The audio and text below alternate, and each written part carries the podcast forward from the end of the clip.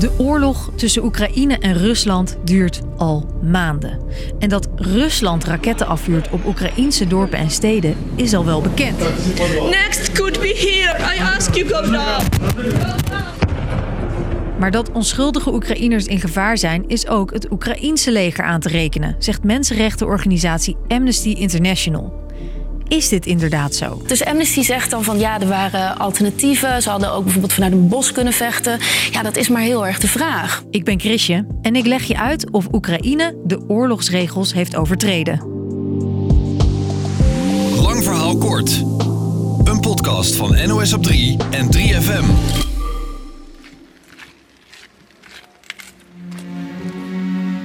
Je hoort hier bijna niets in deze Oekraïense woonwijk. Alles is plat gebombardeerd door Rusland.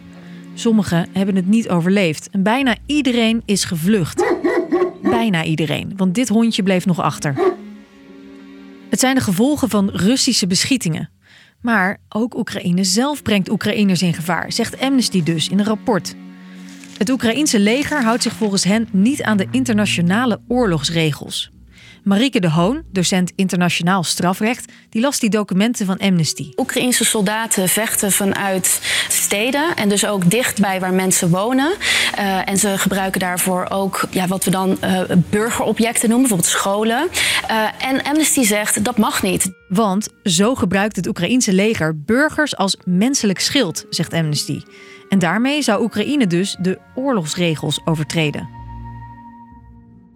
Ja, want Zelfs oorlogen kennen regels. Die werden in 1949 op papier gezet. Here, 59 nations have met to create and set up an improved set of rules. Dat is het internationaal oorlogsrecht, waar alle landen zich nog steeds aan moeten houden. Maar wat zijn die regels? Nou, het is een flink boek. Maar één regel die voor nu vooral belangrijk is, is burgers, gewone mensen, die dus niet meevechten, moeten altijd worden beschermd. En hetzelfde geldt voor die burgerobjecten, zoals scholen, ziekenhuizen en woningen. Daar mag je als aanvallende partij niet zomaar op schieten. En als verdedigende partij moet je er ook alles aan doen om je eigen burgers veilig te houden. Zo mag je niet zomaar een school gebruiken als schuilruimte of een ziekenhuis als wapenopslagplaats. Want op die manier wordt zo'n plek een doelwit voor de tegenstander. Alleen onder hele specifieke omstandigheden mag je zo'n locatie wel gebruiken. Maar dan is wel de regel: waarschuw je burgers en help ze met evacueren als dat nodig is. En dat heeft het Oekraïense leger dus niet goed gedaan, zegt Amnesty. Maar met die conclusie is niet iedereen het eens. Zoals de president van Oekraïne, Zelensky. Hij zegt: Amnesty verschuift de verantwoordelijkheid van de agressor, Rusland, naar het slachtoffer, Oekraïne. En de chef van de Oekraïense tak van Amnesty vertrok zelfs. De informatie in dit rapport is verdraaid, zegt zij.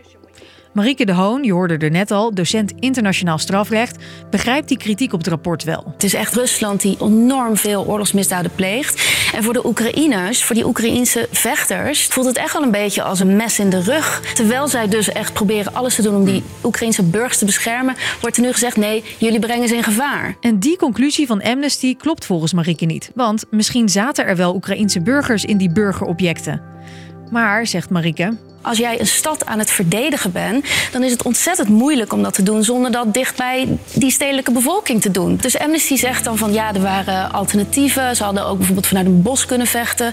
Ja, dat is maar heel erg de vraag. Want uh, ja, kun je die stad beschermen terwijl je ook vanuit dan een bos uh, vecht? Dat had Amnesty beter moeten onderzoeken, vindt Marieke. Zeker omdat Rusland dit rapport nu al tegen Oekraïne gebruikt. Rusland is vanaf begin af aan al bezig met te zeggen dat het de Oekraïners zijn die het internationaal internationaal recht schenden. En dat zij die Oekraïners moeten beschermen tegen hun naziregime. Dus dit is heel erg bruikbaar voor Rusland. De onderzoekers van Amnesty International blijven zelf achter hun rapport staan. The fact is that you know, international law um, applies to everyone. Zij zegt internationaal recht geldt voor iedereen. Dus lang verhaal kort. Niet alleen Rusland brengt Oekraïense burgers in gevaar, maar het Oekraïense leger zelf doet dat ook, zegt Amnesty International. Dat zouden ze doen door bepaalde oorlogsregels niet te volgen.